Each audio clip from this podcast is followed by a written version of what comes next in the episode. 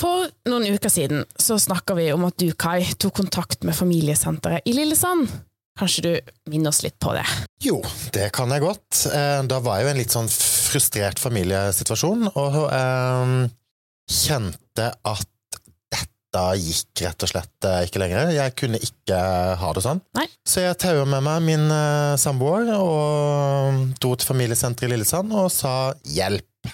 Dette her klarer vi jo ikke på egen hånd. Og i dag så har vi fått familieterapeut Kristin Lie i studio til å fortelle hennes side av saken.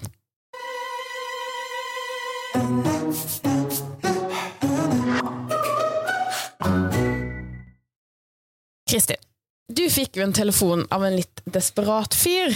Kanskje du forteller litt om møtet ditt med Kai? Jo, det vil jeg gjerne gjøre. Eh, og det var jo ikke bare meg du møtte, vi var to stykker. Fordi vi ofte er to familieterapeuter som møter foreldre når de kommer. Og, og det kjentes veldig sånn gjenkjennelig det du sa, da. At eh, dette er bare for vanskelig, nå må dere, kan dere hjelpe? Og, og gjerne sånn, sånn som veldig mange foreldre sier, det er noe gærent her, kan ikke dere fikse det?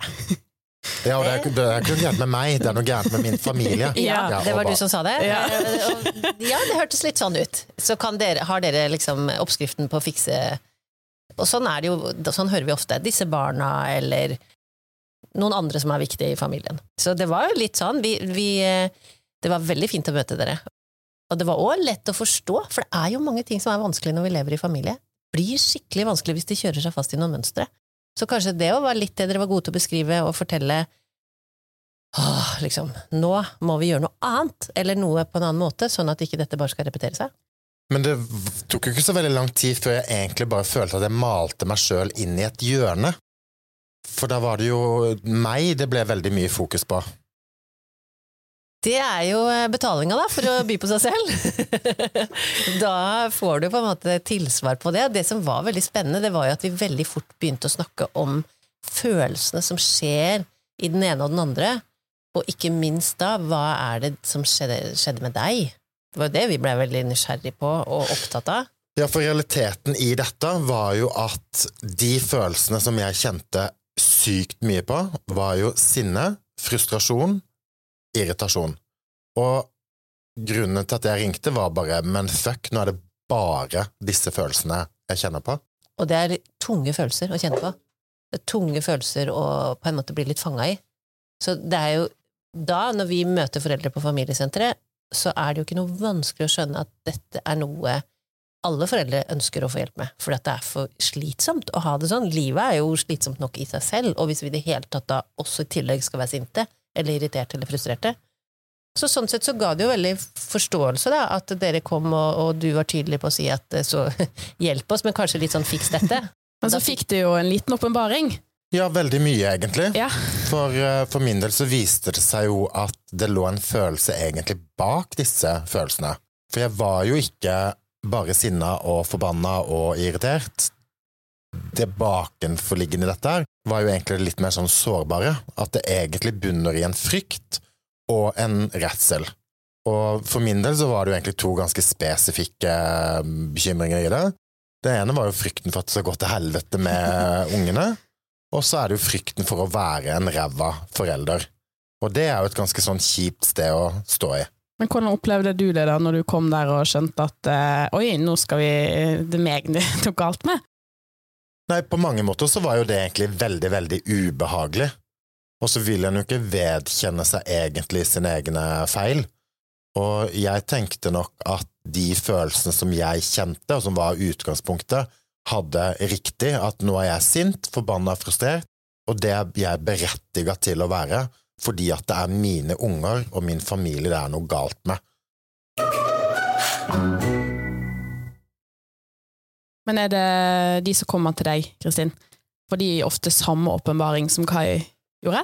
Det hadde vært veldig deilig hvis Ja. mange fikk det. Det er ikke så enkelt. Nei, ja, altså det, jeg tenker at det, som familieterapeut så er vi en slags gjest inn i andre menneskers liv og får høre om situasjoner, og veldig ofte eh, mønstre som gjentar seg, som er vanskelige, eller problemer som oppstår. Og det er jo også veldig avhengig av hvor folk er. Så på en rar måte så må man egentlig være lei nok problemet for å også være klar nok for løsningen.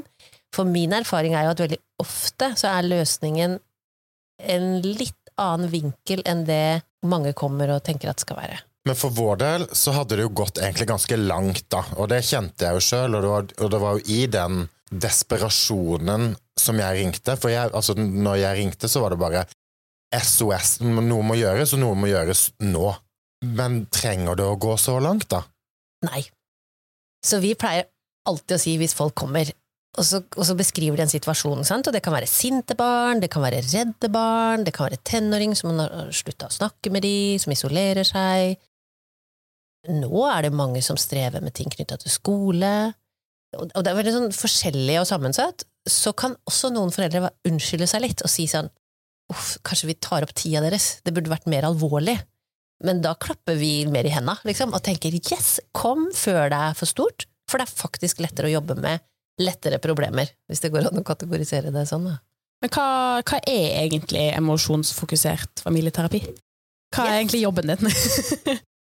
Min jobb, de ytre rammene, det er at jeg jobber i Lillesand kommune, og dermed så er det barn og unges psykiske helse som er vårt mandat. Så når du kommer, så er, det, så er det barna i familien som på en måte er vår hovedkunde, og veldig ofte så ser vi mest de voksne. Fordi vi tenker at det er vi voksne som må ta det ansvaret, og kan ta det ansvaret. Og når vi jobber emosjonsfokusert i forhold til foreldre, så handler det om å jobbe med de følelsene som blir aktivert i de problemsituasjonene, og ha fokus på hva er det barnet trenger, når han er sint, eller når hun eh, slår seg vrang, eller når barnet ditt bare gråter og ikke vil gå på skolen, og kanskje også og hva er det som skjer med deg, pappa eller mamma? For du har jo snakka om dette her med primær- og sekundærfølelsene, og for min del så var jo da primærfølelsen, viste det seg jo, etter at jeg malte meg inn i det hjørnet, var jo redsel og frykt. Men sekundærfølelsene, som jeg trodde jo var hovedproblemet, som var sinne, og irritasjon og frustrasjon, var jo ikke det jeg egentlig følte, eller som egentlig var problemet. Men er, er det mye av dette dere nøster opp i, da? Altså at det er et sånn usse i følelseslivet? Absolutt. Vi, mye av jobben er jo på en måte å leite litt. Altså fordi at vi tror jo at følelser er viktig informasjon eh, noe av liksom grunnteorien i emosjonsfokuset, det er at følelser det er egentlig et signalsystem, altså en medfødt og også tillært og sosialisert, sånn at det er en blanding av både født sånn og blitt sånn. Eh, vi har jo eh, det er jo ikke noe tvil om at det fins mange forskjellige mennesker i forhold til dette med følelser. Noen er superfølsomme, trenger jo ikke å spørre rundt bordet her eh, om noen her er det. Nei, nå har vi dessverre ikke Kent med oss i dag, og han er nok litt sånn i kanskje den andre enden av skalaen. Da. ja. ja. og det er også like naturlig at for noen så er ikke følelser noe som har veldig kraftig sånn volum, altså volumet står ikke høyt på i kroppen. Og uansett er det likevel sånn at vi styres også mye av følelser. Det er signaler Men som Men alle har de samme følelsene? Ja, og når du liksom går til forskninga, da, eller de som skriver om følelser, så finner du litt ulike lister, som de kaller for grunnfølelser. Så i emosjonsfokus er det ribba ned til ganske få. Syv, hvis ikke jeg husker feil. Og poenget er ikke liksom om det er åtte, ni, syv grunnfølelser, men, at noe er veldig sånn grunnleggende, som handler om de grunnleggende behovene våre. Så for eksempel følelsen sint, den, den dukker jo opp når den er den sunne, det sunne sinnet, handler om å beskytte grenser. Vi, vi må kunne bli sint og si nei.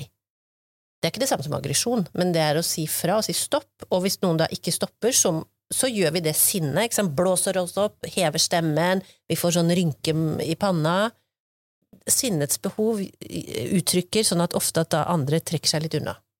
Mens hvis vi blir redde, og da handler det om at vi har et behov for beskyttelse, så, så, kryper vi jo mye mer sammen, og, og, det er jo ikke sånn at jeg tenker på at jeg skal gjøre det. Det bare skjer, for det er en kroppslig respons, handlingstendens. Og så har alle følelsene et behov. Og det som blir så komplisert, det er jo da når vi er, har blitt voksne og er foreldre og har ansvar for barn.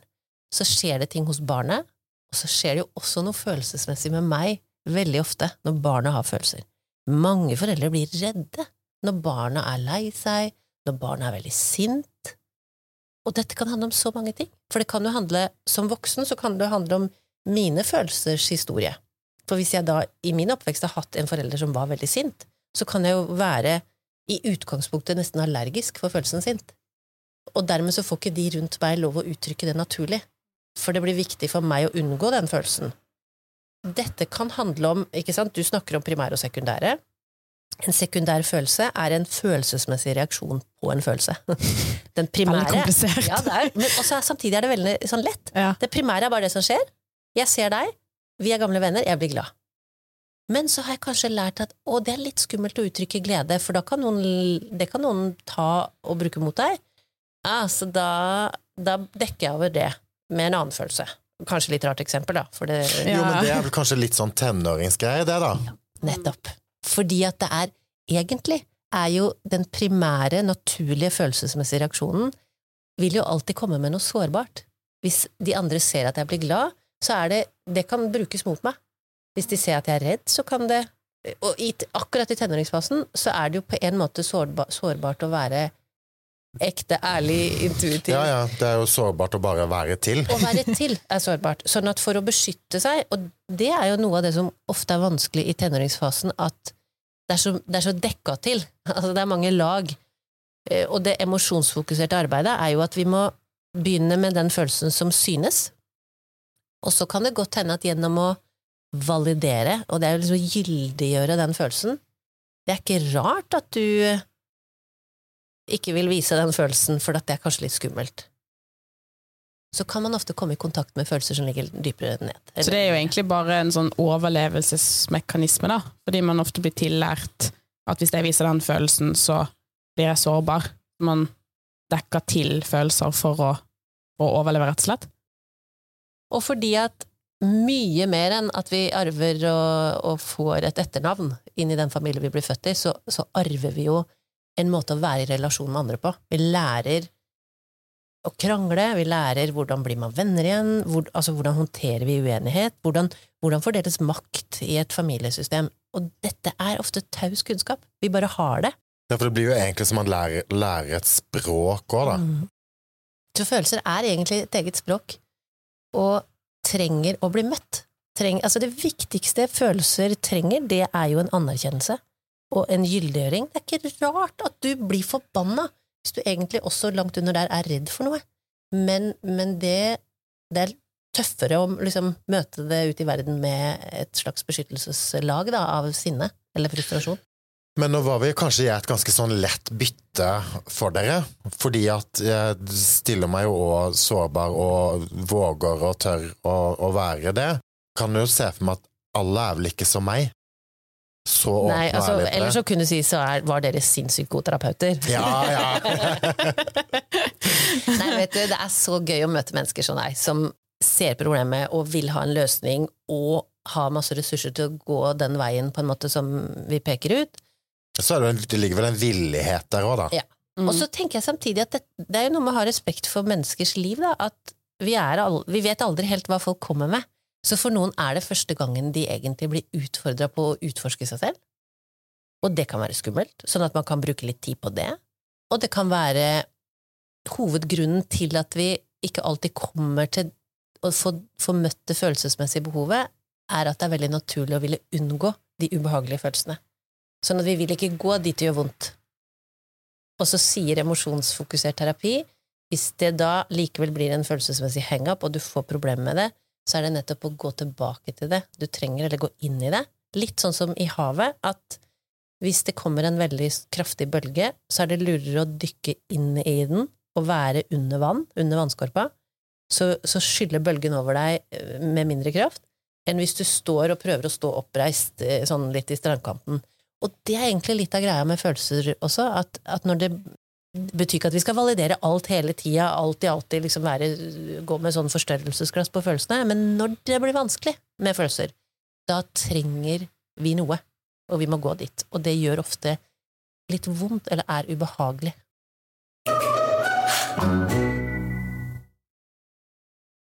Men mener du at man alltid trenger å forstå følelsene sine?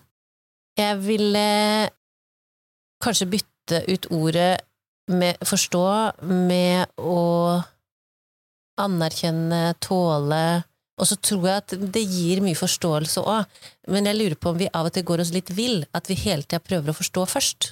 Og så er det litt vanskelig noen ganger å forstå, fordi at Jo, men- følelsenes logikk er litt annerledes. Men du brukte jo, eh, når vi snakka sammen litt før vi begynte å spille inn her, så snakka du om dette med å validere. Men det er kanskje det egentlig som er essensen i det. At man behøver ikke å nødvendigvis forstå og skjønne og logisk kunne lappe det sammen, men at det er en validering. Ok, men det er reelt. Dette er realiteten og følelsen i det nå. Absolutt. Og hvis, hvis vi for eksempel tar den følelsen å være redd, da, så vet vi jo alle at det fins noen som er redd for ting som i seg selv ikke er farlige. Man kan bli redd for å gå inn i en heis, eller redd for å fly, eller Og hvis man da skal tenke at løsningen ligger i at jeg skal forstå, så kan vi jobbe veldig hardt for å forstå det. Men den som er redd, får veldig god hjelp hvis en viktig person ved siden av sier Åh, det er ikke rart hvis du får høy puls nå, nå skal vi gå inn i en heis. Jeg skal være her sammen med deg. Jeg vet at ikke det er farlig, men jeg vet at inni kroppen din så kjennes det som om at dette er farlig. Og da er det ikke rart at du er stressa. Så da går man liksom rett til det kjipe, eller rett til den følelsesmessige greia. Og så sier jo da faktisk, dette har de jo forska på, at da, da går liksom noe av kraften i følelsen eh, forsvinner. Det blir litt lettere å være redd, for noen er redde sammen med meg. Og noen anerkjenner at selv om ikke vi helt forstår hvorfor blir noen redde for å gå inn i en heis, så kan vi kanskje forstå det litt, men liksom Ja, men, men det er greit. Jeg fikk hjelp, jeg fikk, jeg fikk lov til å være redd sammen med noen. Da ble det litt lettere å være redd. Altså det er bedre å heller validere det enn å bare si sånn nei, men hallo, dette er ikke farlig. Skjerp deg. Ja. Ja. Det heter faktisk da. Ja. Positiv invalidering. Oh, ja. Fordi at det vi da gjør, tror jeg med veldig gode intensjoner, så sier vi egentlig at så det er ikke noe å være redd for, så det er ikke lov å være redd. Mm. Slutt å være redd. Og hvis skjerp deg hadde funka, så hadde jo det vært verdens beste terapiform. ja. Altså, da hadde det funka. Det funker ikke. Og, og, og noen ganger funker det. Mm. Altså, da er det jo helt fantastisk, men når det har gått seg fast og ikke funker, da er det, det er for noen litt sånn kontraintuitivt at jeg skal si å, sant, og så blir du så redd når den heisdøra lukker seg. Så tenker vi nei, nei, jeg kan ikke si det, for da blir det verre. Og så Mm. vet vi noe om nå at da blir det lettere å være redd. Og da er det faktisk også litt lettere å puste og være til stede i det, og så blir man ikke like redd. Og det må jeg jo bare skyte inn litt sånn i, i det, for, for det har jo skjedd veldig mye i min familiedynamikk etter jeg fant litt mer ut hva er det egentlig som er greia i meg sjøl. Og jeg ser jo det at når den tidligere responsen min har eh, Altså, og og det var jo det den var tidligere. Da var det jo bare sinne, irritasjon og aggresjon som jeg kunne finne i meg sjøl. Mens når jeg i stedet da møter min tenåring med at du, jeg er litt redd, jeg. Jeg er litt bekymra for at sånn og sånn. Og når en tar den approachen, så blir jo også samhandling og kommunikasjonen noe helt annet. Og så er det jo Syns jo det er et paradoks at jeg har vært redd for den følelsen, men det er jo den følelsen jeg har vært redd for, for å være svak overfor en ungdom. Tenk hva du har oppdaga ved å snu egentlig blikket og kikke innover i deg sjøl, da.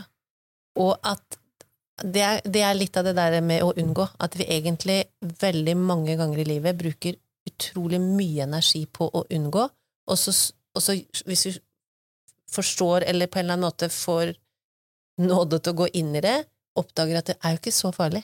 Det var nesten mye verre å tenke på det, og det var, vi, vi blir redde for å bli redde. Ja. Sant? Så det er jo helt fascinerende når polletten går ned, at det er enklere enn det vi tror. Ikke det at det bare er superenkelt, men det er fordi at sannsynligvis så får du også en ny omsorg for deg sjøl. At det er ikke rart det her er litt sånn krevende, for at akkurat når det og det skjer, da blir jeg veldig redd for framtida eller for et eller annet, eller, eller tenker at det Sånn som jeg tror veldig mange foreldre tenker, jeg har ikke det som skal til. Nå kan ikke jeg hjelpe deg, eller hvis du går dit, da Og det er foreldre så redde for. Og da er det jo ikke rart at noe blir vanskelig. Men som du sier, så var jo jeg en takknemlig eh, klient du Yes. hadde på ditt eh, kontor. Men er det noen du ikke kommer noen vei med? Altså at det, Nei, vil ikke inn i det? Det er nok noen som eh, som høflig takker litt nei til å gå inn i der, ja. Kan jeg si det sånn? Ja. Jo, altså, og, og kommer aldri tilbake. Og da kan vi ikke gå dit. Hvis folk ikke vil gå dit, så kan vi heller ikke gå dit.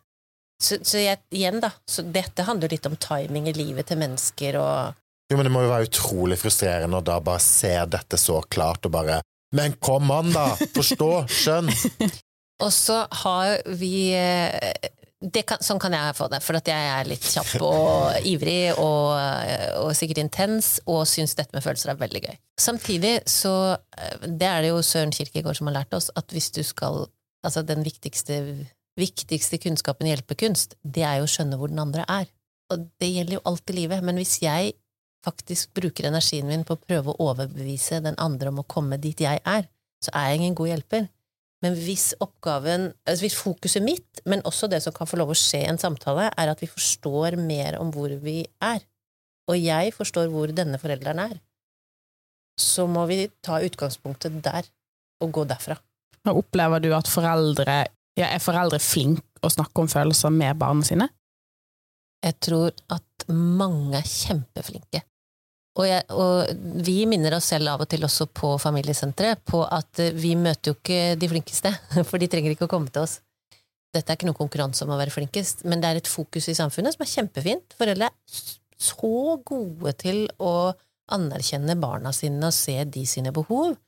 Og så lurer jeg på om i det skiftet som har vært over noen generasjoner, at det har kanskje dukka opp en annen grøft, da, som er mer den at vi er veldig redde for å skade barna våre, og vi er redde for at de skal gå til psykolog om 20 år og sitte og gråte fordi at jeg var en dårlig mamma. Eller du var en dårlig pappa. Og det tror jeg er mye mer det vi er redde for. Som igjen Hvordan skjedde det skiftet? Så, så det er for, foreldre, altså Voksne mennesker i dag er gode foreldre. Og det er bra. Det er jo litt positivt, da. Ja, ja. Det, det, det flest eh, gode enn dårlige. Mange, mange gode foreldre. Ja. Og så tror jeg at, at kanskje av og til så er det en liten sånn der oppdagelsesreise for seg sjøl, da. Å tenke at hva Når er det følelsene mine, når jeg er voksen, når er det de kommer i veien for at jeg skal være en god, en bedre forelder for barna mine? Det kan man spørre seg om av og til. Men i dine øyne, en god forelder, da? Hvor er de? Eller hva er en god forelder? Altså sånn, Hvordan vet man det, da? Det er veldig, veldig bra spørsmål som er skikkelig vanskelig å svare på. Fordi at nå er det jo ikke tegn til tale her i studio, men, men eh, nå holder jeg hendene mine langt fra hverandre, for at jeg tenker at normalbegrepet er veldig vidt. Så jeg tenker også at gode foreldre er en stor, stor betegnelse av voksne mennesker som ser barnet sitt, og ofte nok ser barnet innenfra seg selv og seg selv litt utenfra, altså evnen til å mentalisere. Og så har jo faktisk vi lært at når vi som voksne klarer å møte barnets behov, 30% av at det har behov, så er det godt nok. Og det er så lavt tall at jeg tror veldig mange tenker da Ikke mer? "Eh, Ikke mer! 30 god nok? Det var litt Jeg skal i hvert fall klare 50 Men altså 30% av behovsdekking er det barnet trenger. Sånn at barn trenger ikke perfekte foreldre. Barn trenger ikke å ikke møte motstand. De trenger faktisk både motgang og motstand. Og så er det kanskje det som det har vært litt fokus på også i seinere tid, at når vi også i tillegg til det klarer å gå tilbake til noen sånn kjernepunkt og reparere det vi etter hvert skjønner at Oi, der skjønte jeg ikke. Å, der bomma jeg. Å, da ble jeg sint, og så var det egentlig noe helt annet, du var bare lei deg, eller Når vi klarer å gjøre det, også, ta det radikale foreldreansvaret, det er mer enn gode nok foreldre. Så jeg tror jo det er mange flere som er gode nok foreldre enn de ville kategorisere seg selv som. Og så, ja, vi snakka jo litt eh, før vi trykka record her, og da sa jo du litt om adaptive og maladaptive følelser. Ja. Vil du fortelle litt om det? Ja, fordi at årsaken til at vi sitter her og prater, er jo følelser. Og det som, det som kan være forvirrende med følelser, det er, det er ikke alltid så lett å forstå de. Og en av måtene som vi forstår litt mer, det er jo det at det finnes sekundære og primære. Sånn at bare det i seg selv, så kan man jo bli litt forvirra. Og i tillegg da, så kan man dele de primære følelsene i to grupper, og det er at det fins adaptive, egentlig sånn helt umiddelbare og helt forståelige følelser. Sånn at når jeg går på gata og møter en eh, gammel venn, blir jeg glad. Når jeg går inn i en skog, og jeg hører det rasler under løv, og jeg som da er litt redd for øh, slanger og ormer og alt mulig kryp, blir helt stiv av skrekk. Det er helt naturlig. Men så er det noen situasjoner der det kommer gamle følelser som er ube gamle opplevelser, gamle sår, som er ubearbeida og forstyrrer en hendelse som skjer i dag. Da tror jeg mange kan kjenne igjen det at det blir en unaturlig kraftig følelsesmessig reaksjon på en situasjon. Det er maladaptive følelser. Det er altså egentlig gamle, litt sånn tilstivna følelser som forstyrrer dagens og nåtidens opplevelser. Og de trenger akkurat det samme, de trenger å bli møtt, de trenger å bli validert, og ofte så trenger jeg da å skjønne følelsesmessig at det er jo ikke rart at jeg blir veldig lei meg for dette, for dette treffer jo akkurat den samme følelsen som er 20 år gammel, og som skjedde da jeg gikk på barneskolen, og det eller sånn eller slik skjedde. Så det, den trenger det samme, men den gjør det enda mer forvirrende å forstå hvorfor er noen følelser så sterke hos noen. Men hvis en skal ta så rappe litt dette opp, da, det vi har snakka om nå, for det, følelser er jo et veldig vidt og stort og mangfoldig begrep. Hvis en tenker at du sitter her nå som en emosjonell rådgiver til eh, det norske folk per podkast, åssen kan vi gjøre det litt lettere for oss sjøl? For jeg tror jo det er jo ikke noe vei utenom å håndtere sine egne følelser. Og da, Det er jo ikke lett å rappe dette opp. det, det er ofte veldig sånn situasjonsbetinga. Sånn man må, må, skjønne konteksten i hva ting skjer i. Men det å faktisk ha litt oppmerksomhet på sin egen kropp, og være oppmerksom på hva er det som skjer med meg nå Jeg ble bare litt redd. Det er jo ikke farlig. Ja, nå ble jeg sint. Dette opplevdes urettferdig det er faktisk helt greit. Så, så, på en måte jeg tenker nesten sagt at det begynner med litt sånn oppmerksomhet og fokus, og at man utforsker sin egen sånn Hvordan er det jeg fornemmer følelser? For jeg tror mange av oss også har litt sånn at vi kobler ikke helt kropp og hode sammen. Det er litt sånn at det bare skjer Det er to så separate greier, da. Eh, så jeg har jo veldig tro på det. Hvis folk som kommer til oss, får jo veldig ofte spørsmål hva skjer på innsida di nå? Så det, jeg vet ikke om det er et godt råd, men altså, vær litt oppmerksom på hva er det som skjer med deg. For det skjer jo noe på innsida åkke mm. som, ja. så en kan jo likse godt bare deale med det. Yes! Du sa det.